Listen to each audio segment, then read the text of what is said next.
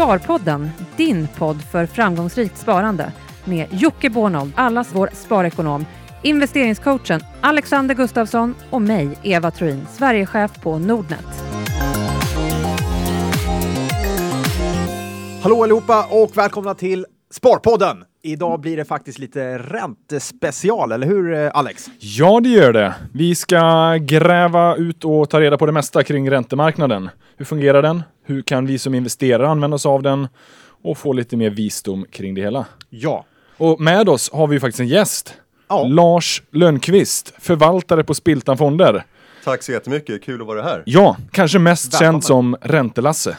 Ja, Så. för oss Ja, i alla fall. för oss i alla fall. Ja. Nej men superkul att ha dig med här Lars. Vi eh, som sagt ska prata räntemarknaden.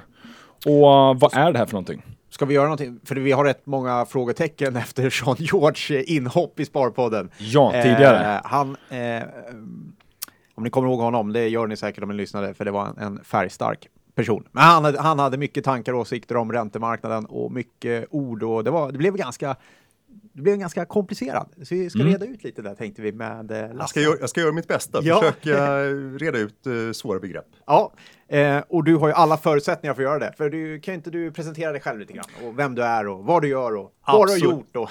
Absolut ska jag göra det. Jag har, för det första vill jag säga att jag har världens roligaste jobb. Jag är förvaltare på Spiltan Fonder och förvaltar två stycken räntefonder, högräntefonden och Räntefond Sverige. Jag har jobbat eh, 30 år på svensk kap eh, kapitalmarknad. Eh, där förvaltat både tillgångsportföljer och säkrat upp eh, försäkringsbolags balansräkningar. Eh, Efter mina studier på Handelshögskolan, som var mitt första arbete på SE-banken. Och jag började faktiskt den 21 november 1985. Okej. Så lång tid tillbaka är detta. Ja. Och för er som var med då så kommer ni ihåg att 21 november 1985 då hände något speciellt. Då avreglerade, eller avskaffade Riksbanken kreditregleringen i Sverige. Eh, och det här brukar kallas för novemberrevolutionen. Det var ju Kjell-Olof Feldt som var finansminister. Det var Erik Åsbrink som var ordförande i Riksbanksfullmäktige och det var Bengt Dennis som var riksbankschef. Och de avreglerade, eller tog bort eh, kreditavregleringen. Vilket gjorde att bankerna kunde få låna ut hur mycket pengar som helst därefter. Åren som följdes kantades av ett antal fortsatta avregleringar. Eh, Man införde marginalräntan från Riksbanken som är nuvarande reporänta. Eh, Vi såg en explosion i ökningen av skuldsättningen Ja. Eh, och man köpte väldigt mycket utländsk valuta efter valutaavregleringen i januari 89. Det här slutade till slut med konkursen i finansbolaget Nyckeln. Vi såg då krisen 1992 med 500% ränta. Vi såg spekulation mot den svenska kronan där George Soros var en av de här eh, kunniga personerna som försökte sänka Sverige. Eh, och vi såg en depreciering med 30% utav den svenska kronan under åren 92 till 95. Och samtidigt kraftigt fallande fastighetspriser. Du fick en, eh, en hyfsat, eh, vilken start på Ja, karriären. det, detta var en vä- väldigt spännande period i penningmarknadens historia och lärdomarna som jag har tagit med mig därifrån det är att hela tiden vara förberedd, på det oväntade.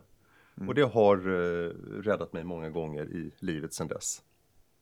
Om, man, om man tar din start där, 85, eh, så idag är det nästan svårt att förstå, men innan avregleringen så det var inte helt lätt att få bolån, eh, även om du hade en hög lön, en bra kreditvärdighet. Det, det fanns inga pengar att låna helt enkelt. Det var ganska, eller hur? Det var, det var väldigt reglerat. Det var extremt reglerat. Det var extremt reglerat. Alltså bankerna fick ju, eh, man satte tak på hur mycket bankerna fick låna ut. Ja. Och den, lön, den skuldökningen som bankerna fick låna ut eh, uppgick till inflationen plus, plus tillväxten. Så om vi säger att vi hade en inflation på 7% och en tillväxt på 3% så fick bankerna öka sin utlåning med 10% per år. Där var det stopp. Och sen var ju frågan liksom, vem skulle få låna de här pengarna eller inte? Ja. Ja, det är andra tider idag. Men haken var väl också att många fick låna på andra sätt. Och det var ju problematiskt att de inte gick via bankerna.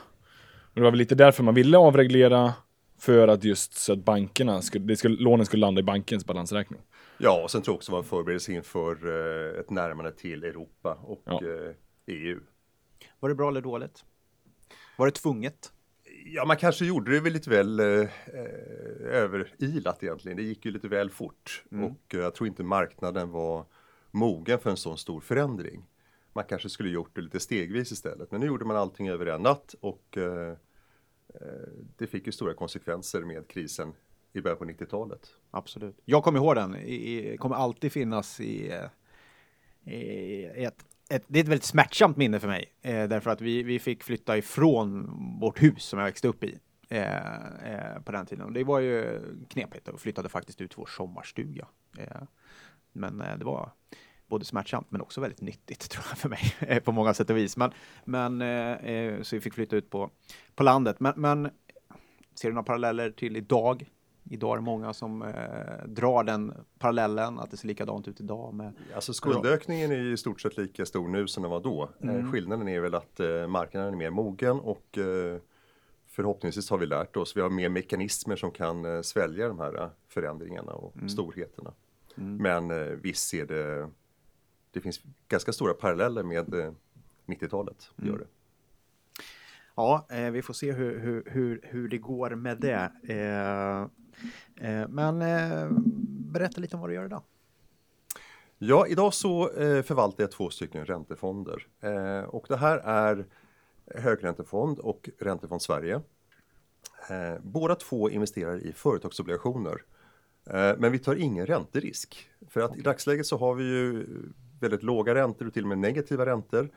Eh, och det är inte hållbart långsiktigt. Så att någon dag så kommer ju räntorna att stiga och normaliseras på en högre nivå. Ja. Och då ska man inte ha lång ränterisk eller duration som vi kommer komma in lite senare på. Så därför så de här två fonderna som vi har, eh, har ingen ränterisk. Båda två investerar i företagskrediter. Så på så sätt så är det här mer likt egentligen en aktieförvaltning där vi tittar på vilka förutsättningar bolagen har att utvecklas positivt. Vi tittar egentligen mindre på, eh, alltså när man köper statsobligationer eller riskfria obligationer så tittar man ofta på makrodata såsom BNP-tillväxt eller budgetunderskott, arbetslöshet, inflation, valutakurser. Eh, men vid företagsobligationer så är det viktigaste egentligen att titta på kommer eller har företaget förutsättningar att utvecklas positivt? För det är det som kommer kunna betala utdelningarna och även få en värdeökning när obligationerna stiger i, i pris. Så att, eh, och det som skiljer de här två fonderna åt är att högräntefonden har möjlighet att investera i nordiska obligationer, det vill säga lite större marknad. Eh, vi har lättare att hitta bra bolag i den fonden. Ehm, Den eh, kan också investera lite längre löptider, eh, kanske upp mot en 4-5 år. Till skillnad från räntefonden som är mellan 1 och 2 år. Eh, Och eh, den kan också investera i lite mera, lite mindre företag som betalar attraktiv och lite högre ränta. Däremot räntefonden, ja det är en, en stabil räntefond som inte ska svänga speciellt mycket vad gäller avkastningen. Eh, Men det, det kommer på bekostnad av avkastningen. Så det blir lite lägre avkastning där än i högräntefonden. Skulle man lite enkelt kunna säga de här klassiska lång och kort räntefond? Att högräntefonden är en så kallad lång och en räntefond Sverige är en så kallad kort räntefond. Nej, i dagsläget så är båda två fonderna korträntefonder. Det vill säga Okej. de har ingen ränterisk. Eh, och det är så som vi eh, kommer arbeta med de här fonderna eh, så länge vi har så pass låga räntor och, och vi kanske kommer till ett läge om 5-10 år när vi har hög inflation och höga räntor. Och då kommer de här fonderna agera på ett helt annat sätt. Men, men i dagsläget så har de noll i ränterisk och avkastningen kommer från att köpa eh, bra företagsobligationer med Ja. rörlig ränta. Och det är det som kallas för FRN, Floating Rate Note. Eh, en FRN är en obligation där vi lånar ut pengar till ett företag på kanske tre eller fyra eller fem års sikt. Men där kupongen eller avkastningen som man får löpande, man får den kvartalsvis och den består av två komponenter. Dels en rörlig räntekomponent som kallas för Stibor och som är kopplad till Riksbankens reporänta och sen ett visst eh, påslag eller riskpåslag, riskpremie för den specifika kreditrisken eller företagsrisken. Ja. Men om vi ska hoppa in i då lite mer ränteskola. Du var inne och pratade om ränterisk, att de inte tar ränterisk. Vad menar du med det då? Ja. Och det är det... Och det är, det är det som kallas för duration egentligen. Första gången som duration eh, omnämndes, det var 1938. utav den kanadensiska ekonomiprofessorn Frederick Macaulay. Jag trodde han skulle heta Fredrik Durajon. Ja, nej, tyvärr inte. Utan, Snyggt. nej, förlåt. Ja. men duration kallas faktiskt för Macaulays duration. Okej. Det är det långa namnet, men Ja. vi säger bara duration nu för tiden. Men det är Macaulays duration. För han gjorde nämligen en tidsstudie på eh, korrelationen mellan eh, räntenivåer, obligationskurser och aktiemarknaden i USA mellan 1900, 1856 och 1938. Och då kom det här begreppet just med ränterisk in eh, och då kom man fram till duration. Eh, och en eh, obligation som har en lång löptid, en fast kupong och i ett läge där marknadsräntorna är låga får en ökad eller lång duration. Om vi tar ett exempel, vi har en femårsobligation som har en fast kupong. Eh, räntan stiger med 1% Då kommer den här kursen på det här värdepappret att sjunka med nästan 5% Det vill säga ränteförändringen multiplicerat med löptiden i stort sett. Och då kan man säga att okej, då går kursen från 100 till 95 på den här obligationen, 5 procentenheter. Och då kan man säga att det motsvarar 2 till 3 års normal avkastning på en företagsobligation eller mer än 10 års avkastning på en statsobligation. Och då kan man säga att 1 räntehöjning är inte speciellt mycket egentligen. Det kan ju komma i höst eller 2018 eller 2019 eh, och mer därtill. Så att en stor del utav den löpande avkastningen kan komma att försvinna den dag räntorna stiger. Därför ska man i dagsläget undvika lång ränterisk eller lång duration. Så rätta mig om jag har fel nu, men man kan väl se det lite som att, för man säger alltid att eh, när räntan faller, då tjänar obligationer på det. Och det har ju med det här att göra. Och det har, hänger ju lite ihop med att om nu räntan faller, de nya obligationerna som ges ut, ja, de ges ut till den aktuellt rådande räntan. Din gamla då som har getts ut till en högre ränta, ja, den blir således mer attraktiv. Stämmer. Och vice versa, om nu räntan stiger framöver, ja, de som har emitterats, getts ut idag till en låg rådande ränta, de blir mindre attraktiva. Om du här längre fram får en ny obligation med bättre villkor. Helt Det hänger väl ihop. Helt rätt. Och eh, just i dagens läge när, när räntan är så pass låga så bind gärna bolånen men ha inte sparande till bunden ränta. Okej, en till som eh, tycker man kanske ska binda lånen. Ja. ja. Se om vi får revidera vår åsikt här. Ja, det kan jag göra. Men Ja. absolut. Eh, Men en annan fråga. Man pratar ju om löptider. Alla ränteförvaltare, är de duktiga löpare eller vad är det här vi pratar om? Löptider det, det innebär att eh, en obligation eh, förfaller vid en viss given tidpunkt. Eh, Om ett bolag som SSAB ska låna upp eh, pengar eh, så kan du låna upp pengar på tre eller fyra eller fem års sikt. Det är ungefär som när du tar ett bolån. Ja, du kan binda lånet på tre eller fyra eller fem års sikt. Eller så lånar du på tre månader. Så att löptid är egentligen den förfallotidpunkten när obligationen förfaller. Just det. Så om man tar, jag vet inte, jag kanske kan kalla det ett extremexempel, men om man tar de som har preferensaktier med evig löptid så att säga. Där, eh, det är, då tar man rätt mycket risk eh, i det här läget, eller? Ja, i dagsläget med de här låga räntorna och eh, preferensaktierna som kanske ger någonstans mellan eh, 6 och 7 procent på, på börsen i dagsläget. De har en duration eller en ränterisk som överstiger 20 år. Vilket gör att det blir en väldigt stor, skulle räntan stiga med 1 procent, ja, då borde teoretiskt de här obligationerna, preferensaktierna, falla med 20 procent. Bra att ha minnet. Mm. Och eh, yieldkurva hör man ibland pratas om. Vad är det för någonting? Ja, yieldkurva eller som vi i Sverige säger räntekurva, det visar avkastningen för en viss eh, låntagare på olika löptider. Eh, normalt så har man en positiv lutning, det vill säga att eh, räntan eller avkastningen för långa löptider är högre än för de korta. Och det är ganska rimligt för att vill jag låna ut pengar till Jocke på tre månader eller till i eftermiddag så vill kanske du inte vill, det vill jag kanske inte, men då kanske jag inte behöver så hög ränta. Men ska jag vilja låna ut- pengar på tio år till Jocke, eh, då vill jag nog ha lite eh, avkastning. Ja. Så det, är nog, det är rimligt att det ska vara en, en positiv lutning på, på räntekurvan. Sen är det en extremt brant positiv lutning. Då brukar man säga att då finns det starka förväntningar om att räntorna framöver kommer stiga. Och tvärtom, är räntan eller yieldkurvan, räntekurvan negativ, ja då ser investerare en eh, lågkonjunktur framför sig, lägre räntor och till och med kanske recession i det landet eller i världen. Och det här fick vi väl se senast 2008, 2009, däromkring. Ja. Och hur ser det ut idag? Har vi... Ja, idag så är det finns en positiv lutning på yieldkurvan, eh, men den är inte extremt brant. Eh, och det, tolkningen där är att eh, centralbankerna sitter i en liten rävsax. De kan inte höja räntorna eller sluta med QE allt för fort, för det skulle få dramatiska konsekvenser. Så att det är lite moment 22. De, kan, de skulle gärna vilja höja räntan, men de kan inte göra det. Nej. Men du vet när ränte... Så här, sköna räntesnubbar säger att eh, den gildar 5 procent. Ja. Va, va, det är ett uttryck som man hör ganska ofta. Kan du inte förklara det? Ja, yield, och ränta är samma sak, så att den, Ja. den avkastar 5 Ja. eh, På den kursen som obligationen eh, säljs eller, eller på det marknadsvärdet så får man en avkastning på 5% eller den Ja. yieldar 5 då. Yes.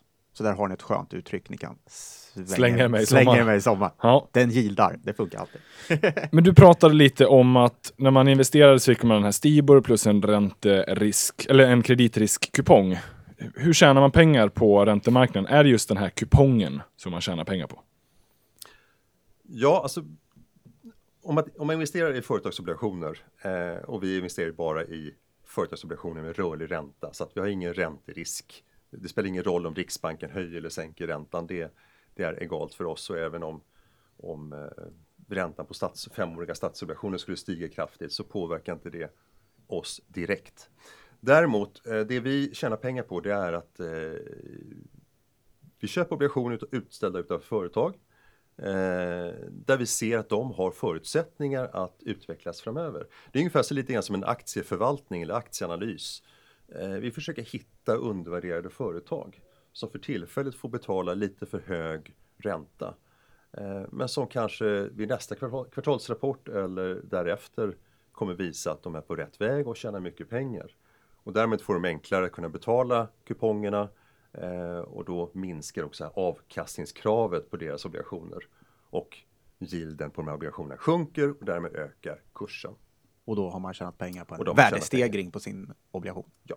Ja, Just det. och det där sättet tror jag många missar att man kan tjäna pengar på i räntemarknaden. Det, det är nog, eh, det är inte riktigt så man tänker, men, men eh, ack så viktigt kanske nu då framåt om vi har den här, eh, om vi nu tror att det kommer vara en stigande, eh, stigande räntemarknad framöver. En stor del av obligationerna på svensk kreditmarknad är ju fastighetsobligationer. De har ju ökat eh, explosionsartat de senaste åren. Eh, och de har gått väldigt bra. Man har fått bra avkastning på dem. I takt med att räntorna har sjunkit så har också avkastningskravet på fastigheter sjunkit. Man har fått en lägre finansieringskostnad och, och fastighetspriserna har stigit. Eh, Men är det rimligt? Är det rimligt att man... eh, För det var en fråga som Sean, som nu kommer från New York eh, och kollar på den svenska marknaden. Men det, är, det- känns helt sjukt att du, du får sämre betalt och låna ut pengar till ett litet svenskt fastighetsbolag än vad du får låna ut till den amerikanska staten. Ja, vad- han Eh, missar är väl att centralbankerna, både Riksbanken och eh, Fed, har lite olika eh, räntenivåer i utgångsläget. Ja. Så det får man ta hänsyn till. Men absolut, eh, fastighetspriserna är höga och eh, allt annat lika är risken högre. Eh, och det här inser också fastighetsbolagen så att en hel del av dem försöker nu att man pratar om kreditbetyg. Och nästan alla svenska fastighetsbolag, eller de flesta i alla fall, har varit det som kallas för high yield, det vill säga dubbel B eller, eller sämre. Eh, nu försöker man med att emittera olika typer av aktieliknande instrument få upp det här kreditbetyget till en Ja. investment grade eller trippel B. Eh, och det gör man ju genom att ta ner belåningsgraden i bolaget.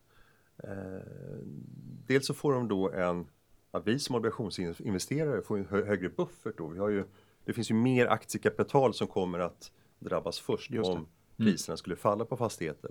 Och dessutom så får eh, bolagen en lägre finansieringskostnad. De, de kan låna upp pengar billigare. Eh, och det slår ju också då positivt på våra obligationer som vi har ställt ut till, till det här bolaget. Och de här aktieinstrumenten du pratar om, ja, det är preferensaktierna.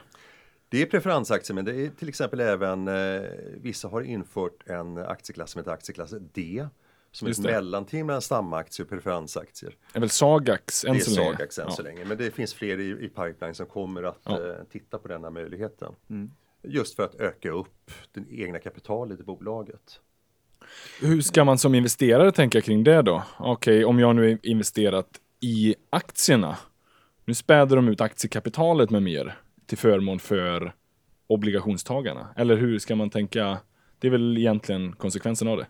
Ja, så länge de gör det här med preferensaktier så är det kanske att likna mer vid en obligation. Så det, det spär ju inte ut eh, Nej, Vinsthemtagningen så. vinsthemtagning vinst per aktie. Eh, Men absolut, skulle Ja. de göra en nyemission i en stamaktie, ja då blir det utspädning. Ja. Ska man vara orolig för det här? Att fastighetsmarknaden har vuxit sig stark, att det kommer... Jag, jag kan känna viss oro kring att det kommer in... Ja, men det kommer nya fastighetsbolag som... Man har inte så mycket historik och vissa har bara en fastighet till exempel. Och det känns som det, det är just... Vi pratar jättemycket om bostadsmarknaden, men den kommersiella marknaden har ju också dragit iväg ganska rejält. Eh, ur ett ränteperspektiv, mm, ska man vara orolig för den svenska räntemarknaden att den är för tung mot fastigheter? Var nog egentligen min fråga. Alltså så som vi agerar det är att eh, tidigare så investerade vi i företagsobligationer kanske med 4-5 års löptid. Eh, vi har insett här att eh, fastighetspriserna är på höga nivåer, hyresnivåerna är också på höga nivåer. Eh, väldigt mycket står rätt till i, på, stjärna, eh, på himlen. Eh, så att vi har dragit ner den här löptiden från 4-5 år ner till 1-2 år istället. Och på så sätt då minskat risken. Sen tycker vi också när vi eh, träffar och pratar med de här fastighetsbolagen att att de har en insikt i att eh, det kommer inte kunna bli av så här bra i all evighet. Och de Nej. vidtar åtgärder för att eh, möta en framtida kris eller nedgång på fastighetsmarknaden. Så om man är fastighetsspekulant så kommer man kommer skilja agnarna från vetet vad det lider. Det finns, man märker det också att de mer ehm, de som varit med ett tag eh, är ju mer dämpade i Wallenstam tror jag var ute här om dagen och pratade. Intervju, bra intervju med dem. Eh, sådär. Det, det märks att jag håller med dig. De dämpar i alla fall förväntningarna på att det här kommer inte fortsätta att stiga till himlen liksom. Utan, Nej, eh, och det är väl positivt att de stora fastighetsbolagen har den insikten i alla fall. Ja, och- då, då senast, senaste åren så har man ju levt på värdeökningar egentligen. Mm. Men nu kommer det bli mycket viktigare att titta på vem, vilket av bolagen kan leverera starka kassaflöden. Ja. Från själva liksom, grundverksamheten och inte bara leva på positiva värdeförändringar. Just det. Så att titta på kassaflödena i fastighetsbolagen, det skulle jag rekommendera. Ja, för det kan slå ganska hårt om räntan börjar ticka uppåt. Ja. För marginalerna är inte skyhöga hos alla. Det kan vi Nej. konstatera. Nej. Bra! Ja, men lite som du är inne på Jocke, det kommer skilja agnarna från vetet. Och det är för att relatera tillbaka lite till 90-talskrisen som du började med. Många av de riktigt framgångsrika fastighetsbolagen idag fick ju, eh, de var ju de som gick starka ur den där krisen. Och fick ganska många bra bestånd till kanske billiga priser. Och har ju nu lyckats bygga upp en, en fin fastighetsbestånd. Så att, det kan ju mycket väl komma positiva saker ur det. Men eh, man behöver se på, på fastigheter med ett mer kritiskt öga. Det är väl slutsatsen. Men sen det är lite roligt att prata pessimister och optimister. Man brukar ju Ja. säga att eh, aktiemarknaden är ett gäng av optimister. Sådana här stollar som mig och Jocke. Och sen så uh, ränte och kreditmarknaden är ett gäng pessimister. Varför, varför säger man så? Är det den... eh, Ja, men det är ju så. Jag, jag ja. satt i en paneldebatt här. Det var ganska kul. Det finns en, en, eh, en, eh, en brittisk firma som anordnar en eh, finansdag eh, för, för folk i branschen. Och då satt jag i en paneldebatt och jag var aktiekille och så var det ränte, räntekillar. Och jag var den enda som var optimistisk. Eh, men lite så är det. Det ligger liksom lite, lite i eh, i ränteförvaltningen blir det väl mer fokus på risken någonstans? Eller? Ja, exakt. Ja, men det som du säger, räntemänniskor brukar benämnas pessimister. Eh, och det har nog att göra med att vi tenderar att titta eller fokusera mer på riskerna än möjligheterna. Och det är ganska naturligt egentligen. Så den uppsida som vi har på räntemarknaden, det är den kupongränta man har. Och eventuellt lite då positiv värdeförändring om man har gjort en rätt företagsanalys. Så att det här företaget går bra. Eh, medan neds och det här är i normalfall kanske mellan 2 och 7 procent avkastning per år. Medan nedsidan vid varje given tidpunkt alltid är 100 procent. Så att det, är, det kan inte så konstigt att vi fokuserar på riskerna mer än på, på möjligheterna. Nej. Och aktiemänniskor lever mer på hoppet i att nu kan vi få stigande aktiekurser och ökad tillväxt. Medan sådana där saker, den som har lånat ut pengar, den vill ju bara säkerställa att du kan betala tillbaka de här till mig. Ja, och vi, Enkelt det, förklarat. det vi inte vill ha det är ju tillväxt i bolagen egentligen och uh, utdelningar för det dränerar ju kapital från, från bolaget. Så att vi vill ha så som det alltid har varit egentligen. Ja. Ing, så, så, så små, små förändringar som möjligt. Ja. Intressant. Eh, men eh, bubblor. Det brukar pratas bubblor titt som tätt. Men eh, har vi en bubbla idag på kreditmarknaden? Det är helt klart att vi har upptrissade tillgångspriser både på aktier, fastigheter och obligationer. Eh, och det här är efter en lång period av låga och till och med negativa räntor. Och där centralbankerna har tillfört marknaden enormt mycket överskottslikviditet. Eh, och det har de ju gjort för att vi sparare ska kunna ta eh, lite extra risk i jakt på avkastning. De har, de har tryckt oss ut på riskskalan. De som kanske hade en korträntefond förut och de har köpt en företagsobligationsfond. De som har haft en företagsobligationsfond har köpt en aktiefond. Eh, aktiefonder kanske köpt eh, småbolag och så vidare. Så att hela tiden tryckt oss ut på riskskalan. Om det här är en bubbla eller när den kommer brisera, ja det vet vi ju bara egentligen i efterhand. Det jag kan konstatera är att om vi tittar på Sverige specifikt, Riksbanken för en extremt expansiv penningpolitik. Eh, speciellt i ett läge när svensk ekonomi går och har gått så otroligt bra under en hel del år. Eh, vid årsskiftet så kommer eh, Riksbanken att ha köpt 275 miljarder statsobligationer. Och det är cirka 40 procent av statsskulden. Eh, och lägger man till övriga penningpolitiska åtgärder som de har vidtagit så är det 350 miljarder kronor som de har tillfört marknaden i överskottslikviditet som egentligen inte ska vara där. Och leker vi med tanken att under 2018 och 2019, det är ganska lång tid, men vi leker med de två åren, att räntan kommer att normaliseras och att Riksbanken minskar balansräkningen och tar tillbaka de här 350 miljarderna. I ett sånt läge har jag väldigt, väldigt svårt att se att tillgångspriserna ska fortsätta upp. Så att, eh, Men måste de ta tillbaka det så tidigt då? Nej, det kommer säkerligen bli en utdragen process. Ja. Men det kommer säkert också bli en, eh, en koordinerad aktivitet med ECB Mm. i det här. Vad Riksbanken för duration i sin portfölj? Det kan bli kostsamt, eller? Det kan bli kostsamt, men jag tror inte man tittar så mycket på det utan Man tänker inte så som Riksbank. man har tjänat ganska mycket pengar också nu när man har köpt obligationer och räntorna Ja. har fallit. Ja. Ingve sitter inte och spekulerar så mycket kring det. Jag tror inte det. Nej, hoppas inte. Men en bubbla brukar man väl säga uppstår ju när värdeförändring sker helt orelaterat till någon form av fundamenta. Och vi har ju sett väldigt höjda tillgångspriser och värdeförändringar, men det har ju fortfarande, vi har kunnat förklara det ganska väl.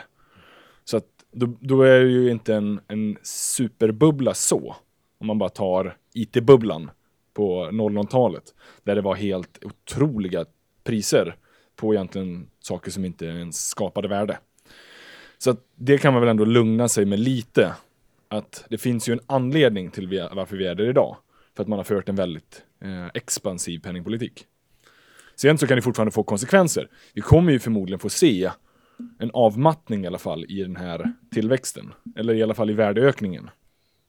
Eh, men det behöver ju inte betyda jordens undergång för det. Eller? Nej, jag tror man ska titta eller hålla utkik ganska mycket över, alltså det som har drivit ökade tillgångspriser är ju den enorma mängd billiga pengar som finns där ute. Jag tror att man ska titta på signaler som från politiker eller från centralbanksfolk eh, som kan indikera att man börjar strama åt eller dra tillbaka likviditet och risken är men det är centralbankerna väl medvetna om. Risken är att de gör det för fort. Stefan Ingves brukar prata om det här med bålskålen som står ute på festen och festen börjar ta slut. Vad ska man göra? Ska man dra undan bålskålen? Ska man hälla i mer groggvirke? Eller ska man hälla i en flaska vodka till? Liksom, och där är beslutet under hösten egentligen här. Vem är, vilken kille tror du Ingves är? Jag tror att han kommer tillföra groggvirke. Jag kommer, tror inte att han kommer ta bort den helt och hållet. Jag tror inte att han vill eh, Han har hällt i för mycket vodka redan. Han har, gästerna är fulla. Ja. det kanske är dags att använda groggvirket för, eh, för Ingves. Det Ja. har varit mycket alkohol tycker jag den där, i den där skålen. Men det är en fantastisk eh, metafor för det hela. Eh, ja, men oavsett, det, är- man behöver vara lite mer vaksam när vi når de här nivåerna. Eh, det är väl alltid ett bra tips att eh, försök se signalerna och försök alltid ha sunda beslut i din ekonomi. Absolut. Inte spring efter grannens. Får man fråga, i räntemarknaden, många av, du har ju varit med i räntemarknaden länge, många av dina kollegor, de har bara sett en marknad där det har lönat sig att vara lång duration. I princip. Ja, Eh, hur, hur tror du, tror alla klarar av att tackla den här nya, om vi nu kommer in i en ny värld där, där det inte är så, där noll duration eh, kanske till och med är eh, allt viktigare. Alla vi som har pengar i vanliga räntefonder så att säga, om man får nog säga så, alltså storbankernas räntefonder till exempel. Klarar de av att tackla det på samma sätt? alltså vi som sparar är ju ganska trögrörliga men, men efter ett tag när vi har insett att eh, den här investeringen i en viss obligationsfond som har lång duration ger negativ avkastning. eh, Då kommer man successivt att flytta den här från den här fonden till någonting annat. Och det innebär att den fondförvaltaren som, som förvaltar den här fonden måste ju sälja värde, värdepapperna. Eh, och det kommer få effekter på marknaden eh, med ytterligare räntehöjningar. Mm. Så att, precis på samma sätt som vi varit inne i en positiv spiral de senaste fyra, fem, kanske åtta åren med Ja. fallande räntor så kan även då eh, den dag räntorna börjar stiga eller eh, folk börjar ta ut pengar från obligationsfonder eh, så får vi en stark uppgång i räntan. Spännande. Eh, hur ska man, eh, om vi hoppar lite vidare, volatilitetsnivåerna har ju varit väldigt, väldigt låga eh, senaste tiden. Det är ganska mycket stiltje just nu. Vad, vad ska man tolka det som? Är det lite lugnet före stormen? Eller är det positivt klimat vi taktar på lugnt uppåt? Eller har, har du någon känsla kring det där? Alltså låg volatilitet kommer ju ofta när eh, alla investerare tycker likadant. Mm. Och det gör mig orolig. För den dag som någonting oväntat händer i marknaden, vilket får eh, effekter på liksom, olika, eller det förändrar synen på en viss marknad, då kommer alla springa åt samma håll och då kommer det bli trångt i ytterdörren när alla ska ut. Eh, så att ja, det är lugnt och skönt just nu, men eh, det ställer en hel del frågetecken om, om framtiden. Mm. Och vad ska man hålla utsikt efter? Vad, när kan det här börja dra iväg? Är det några insatta som kommer hitta någonting som talar negativt och sen vad, vad ska man göra då som privatsparare? Det jag skulle lägga mest tid på det är att just titta, som vi har varit inne på, titta på eh, signaler från politiker och centralbanksfolk eh, om när kommer man sluta erbjuda billiga pengar? Ja. När kommer man börja strama åt den här tapering utav hö- höja korta räntorna och även dra tillbaka de enorma kvantitativa lättnader eller program som man har, har haft senaste 5-6 åren. Och då får man ju hoppas innerligt nu att de drar tillbaka det här, höjer räntorna när ekonomin tar fart. Så att man kan liksom successivt parera det här. För, för det är väl egentligen hela förhoppningen de har, varför man har startat igång det, för att man vill få igång ekonomin. Eller kan det vara så att de blir squeezade så att säga, att de måste börja ta tillbaka för att vi har kört igång alldeles, som du sa tidigare, 40% av skulden har vi liksom dragit i, iväg. Nej, jag tror inte man kan ut, utöka programmen. Alltså, både programmet i Sverige och i ECB i Europa löper fram till sista december i år. Eh, Jag tror inte att man eh, förlänger det här programmet utan eh, där tar det slut. Mm. Men sen är frågan, kommer man att mm, återinvestera då kupongräntor och förfall eller kommer man börja trappa ner volymerna under 2018 och 2019? Det är det signaler som man ska titta Ja. på. Det andra som jag tror att, man, i, i och med att vi investerar i företagsobligationer eh, så är det viktigt att titta på eh, hur ser konjunkturen ut. Så att jag skulle också ägna en hel del tid på att eh, fundera på är vi på väg in i en lågkonjunktur eller eh, vad, vad händer framöver? Okej. Men du tror även att ECB kommer att upphöra med sina kvantitativa lättnader? Ja. Ja. Då har vi ju definitivt datum att kika på vid årsskiftet. Ja. Se vad som händer där. Får vi kanske återkomma lite här. Det lär vi säkert göra. Det blir spännande. Men du, vi har fått in en fråga på uh, Sharewill faktiskt. Från uh, Babblarn96. Hejsan, jag är lite nyfiken på resonemang kring vad, vilka händelser som gynnar räntefonder. Till exempel bra förutsättningar för en lång räntefond respektive kort. Hur påverkas dessa av höjd sänkt ränta? Har det gått?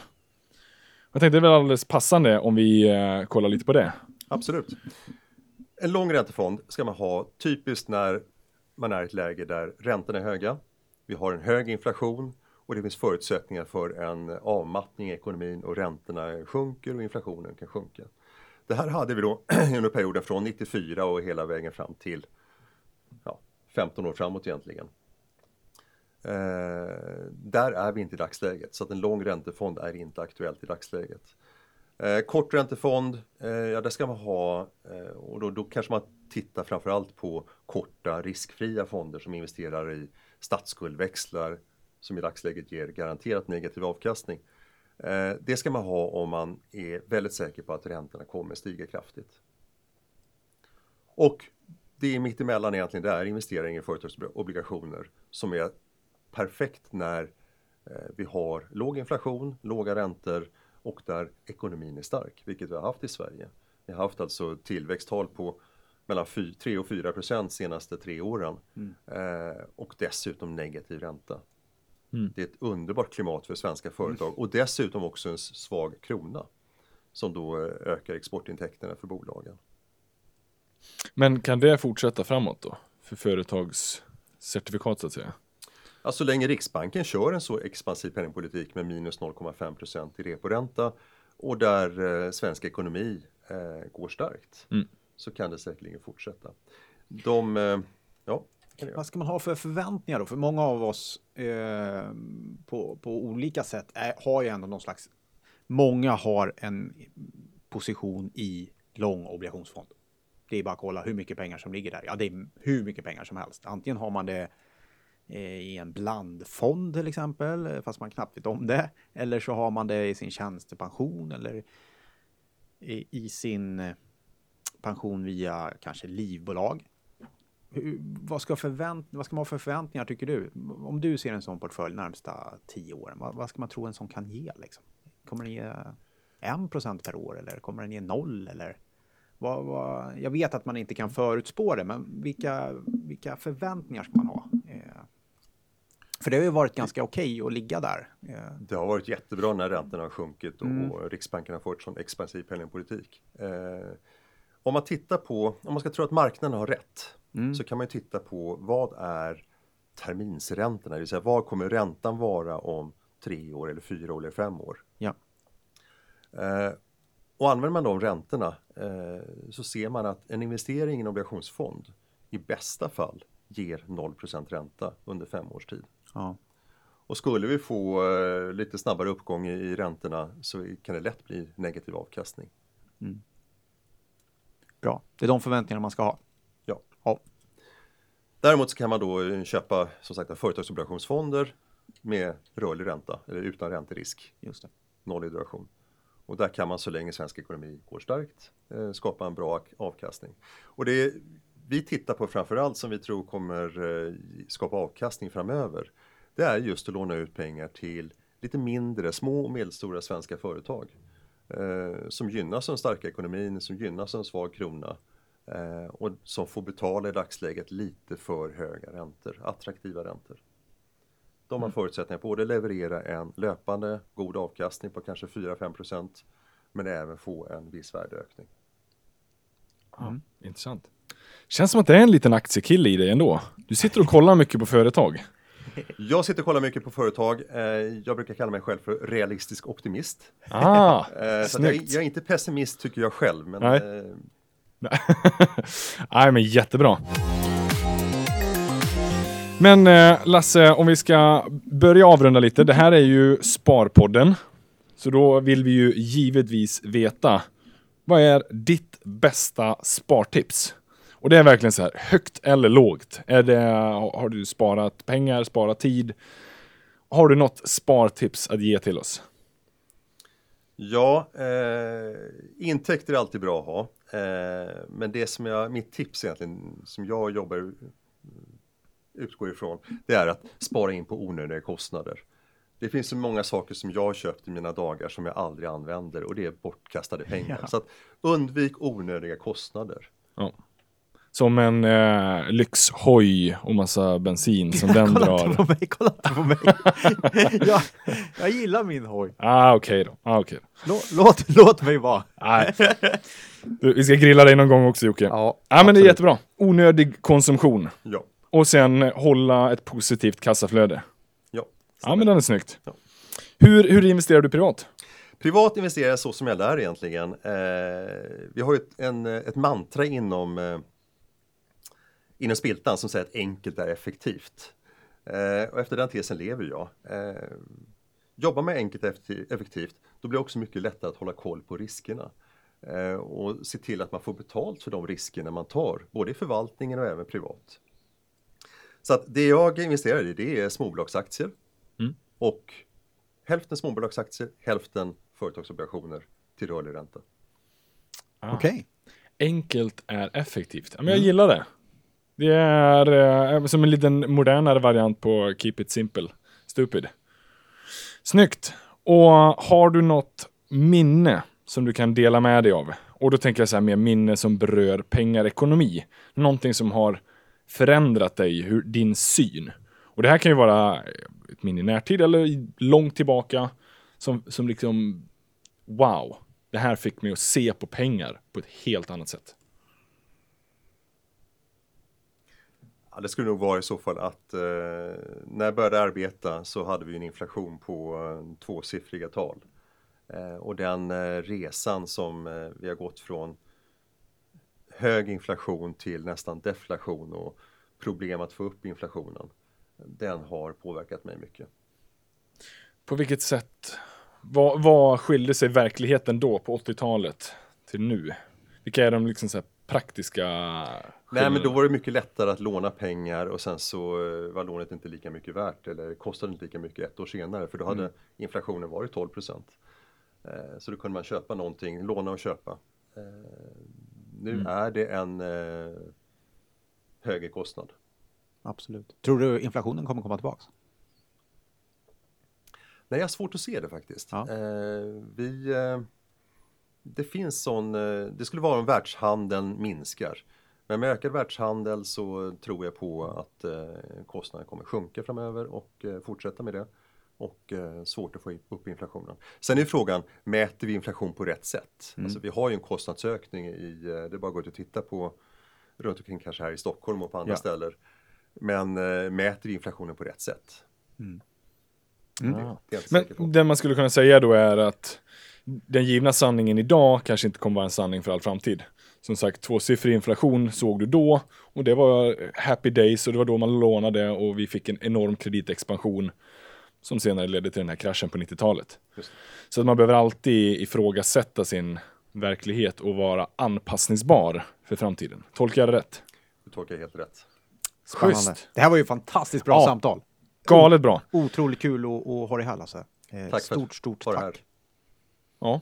Och är det några till er lyssnare där ute, har ni frågor eller funderingar eller tankar som ni gärna vill dela med er efter avsnittet så hör av er under hashtag Sparpodden eller så kan vi också ställa frågor till oss under Sharewill-gruppen Sparpodden. Och tyck gärna till. Vad, vad vill ni höra framöver och vad tyckte ni om avsnittet idag? Jajamän. Ha en fortsatt trevlig sommar och njut av värmen får, får vi hoppas. Jajamän. Ha det gott. Hej. hej. hej. Hej!